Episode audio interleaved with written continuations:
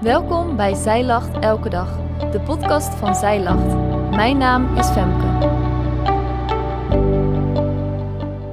Dit is de overdenking van 21 september, geschreven door schrijfster Paola Don. Soms klikt het niet zo met een bepaald persoon en zou je diegene liever kwijt dan rijk zijn. Toch leert Jezus ons dat de liefde voor je naaste een van de belangrijkste geboden is. Hoe kun je nu liefde voor iemand hebben als je eigenlijk niet zo goed met elkaar overweg kunt? Dat leren we uit Marcus 12. In Marcus 12, vers 28 tot 31 staat het volgende.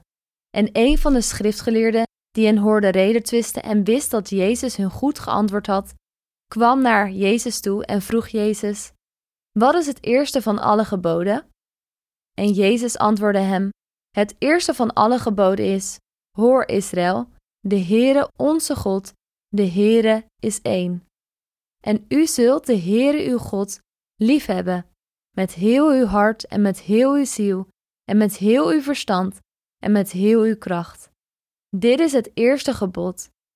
En het tweede, hieraan gelijk, is dit. U zult uw naaste liefhebben als uzelf. Er is geen ander gebod groter dan deze. Het volledige Bijbelgedeelte voor vandaag is Marcus 12, vers 1 tot 34. Marcus 12 gaat over het omgaan met anderen. Jezus geeft eerst een vergelijking over landbouwers die slecht omgaan met hun meerdere. Vervolgens legt Jezus in vers 7 uit dat de mensen hun belasting moeten betalen. Hij zegt: Geef dan aan de keizer wat van de keizer is, en aan God wat van God is. En in vers 31 benadrukt Jezus dat je liefde voor je naaste moet hebben. Maar hoe doe je dat? Liefhebben. Als je je niet kunt vinden in de mening en handelswijze van je meerdere. Misschien ben je het niet eens met bepaalde keuzes die worden gemaakt binnen de politiek. Of misschien gaat je werkgever een andere kant op met het bedrijf dan dat jij zou willen. Als je het met iemand oneens bent of het simpelweg niet goed met iemand kan vinden, voel je soms weinig liefde voor diegene. En toch noemt Jezus de liefde voor je naaste als het tweede van alle geboden. Dat betekent, uit dit gebod zijn veel andere geboden afgeleid. Het antwoord op dit vraagstuk is uiteraard ook te vinden in de Bijbel. Een stuk verder in 1 Johannes 4, vers 11 tot 13 en 19. Daarin staat: Geliefde, als God ons zo lief had, moeten wij ook elkaar lief hebben. Niemand heeft ooit God gezien. Als wij elkaar lief hebben, blijft God in ons en is Zijn liefde in ons volmaakt geworden. Hieraan weten wij dat wij in Hem blijven en Hij in ons, doordat Hij ons van Zijn geest gegeven heeft. Wij hebben lief, omdat Hij ons eerst lief had. God heeft ons altijd eerst lief gehad en daardoor kunnen wij Hem en onze naasten lief hebben. Hij heeft Zijn geest gegeven en dat is een geest van liefde.